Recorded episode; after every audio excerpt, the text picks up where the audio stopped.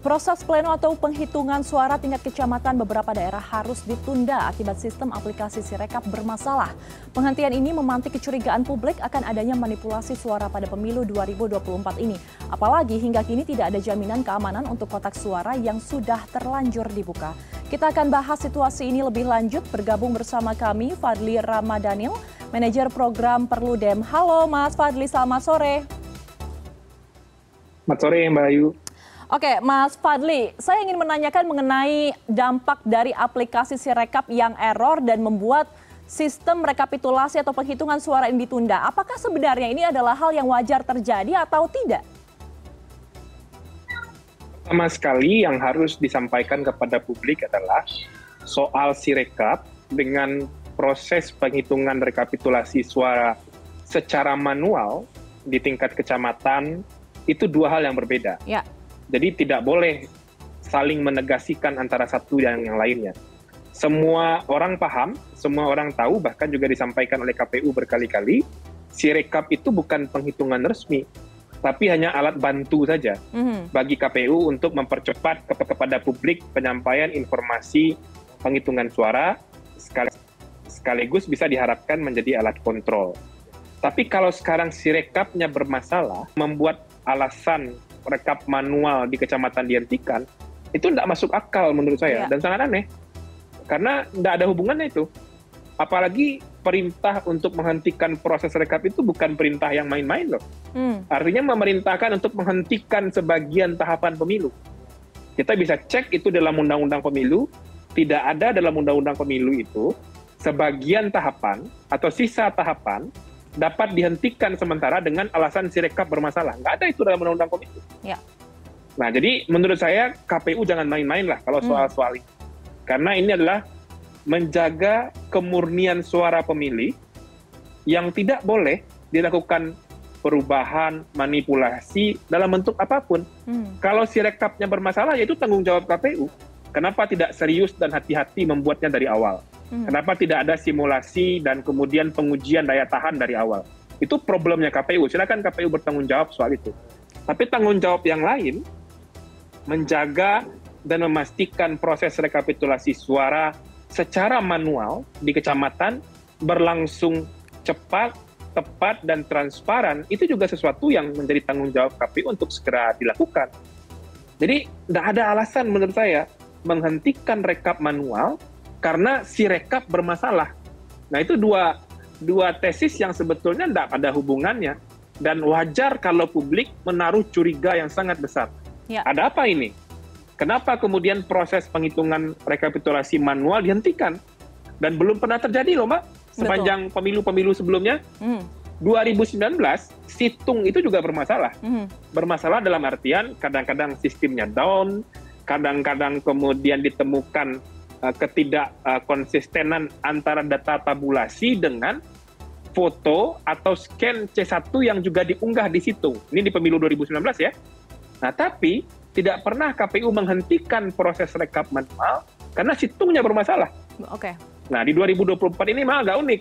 Hmm. Si rekapnya bermasalah, tapi yang si rekap ini tidak punya hubungan apa pun dengan penghitungan manual di kecamatan, malah jadi alasan untuk menghentikan penghitungan manual. Ini aneh menurut saya. Oke, Mas Fadli, saya ingin bertanya analisa Anda, kenapa sampai KPU akhirnya nekat untuk menghentikan perhitungan suara manual. Padahal seperti kata Anda ini tidak ada kaitannya dengan aplikasi Sirekap yang error. Karena mau tidak mau masyarakat akhirnya uh, berpikir atau curiga apakah ada manipulasi data atau kecurangan yang dilakukan oleh KPU. Analisa Anda seperti apa terhadap hal ini?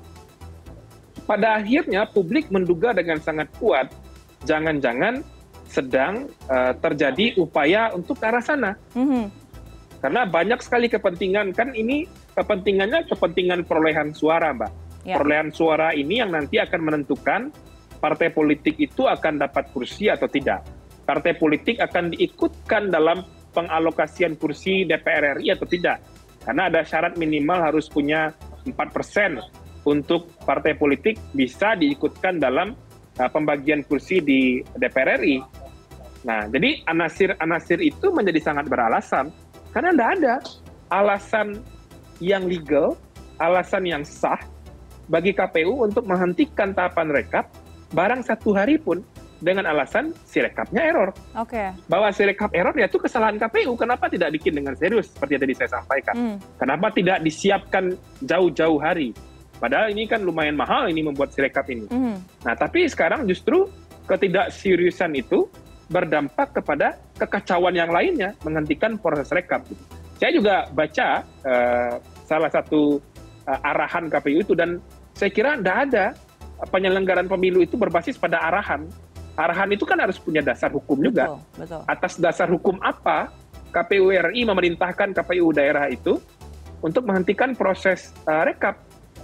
Nah, ini bukan persoalan uh, main-main ini. Mm. Ini mengelola penyelenggaraan pemilu di negara sebesar Indonesia. Nggak bisa pakai arahan-arahan semacam ormas untuk kemudian mengelolanya.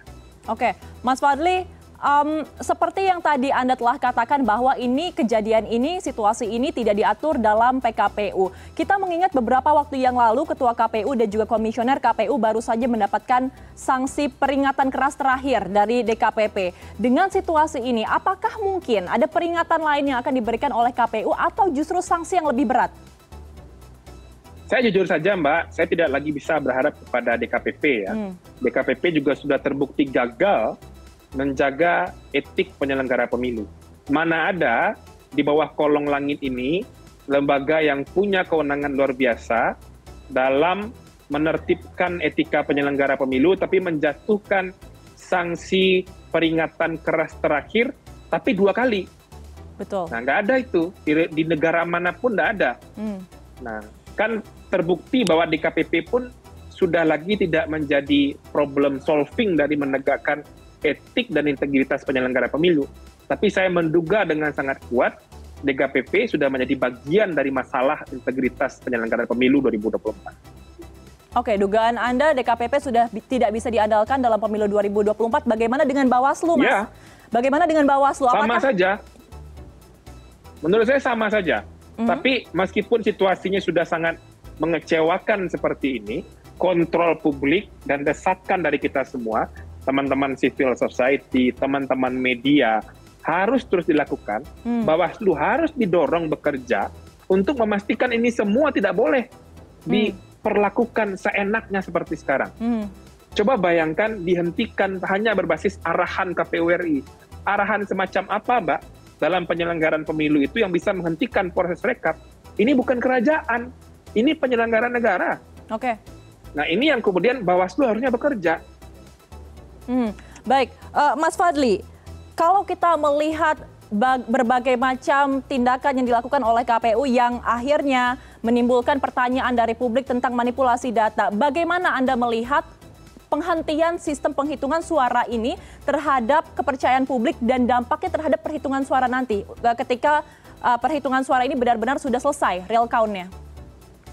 Ya bagi publik yang masih melihat bahwa proses penyelenggaraan pemilu itu adalah salah satu cara untuk mengekspresikan pilihan politik dan satu-satunya cara yang legal dan konstitusional untuk mengganti uh, pemerintahan, ya ini tentu mengecewakan. Hmm.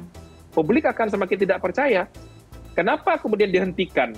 Siapa yang bisa memastikan ketika diumumkan dihentikan, tapi di balik penghentian proses itu ada aktivitas-aktivitas tersembunyi yang tidak diketahui oleh publik. Oke. Okay. Siapa yang bisa menjamin itu? Hmm. KPU hmm. apakah bisa menjamin itu? Bawaslu apakah bisa menjamin itu? Silakan nyatakan sekarang. Dan saya juga meminta, kita juga meminta sebetulnya kepada uh, DKPP, kepada Komisi 2 DPR untuk memberikan atensi ini secara jauh lebih serius. Hmm.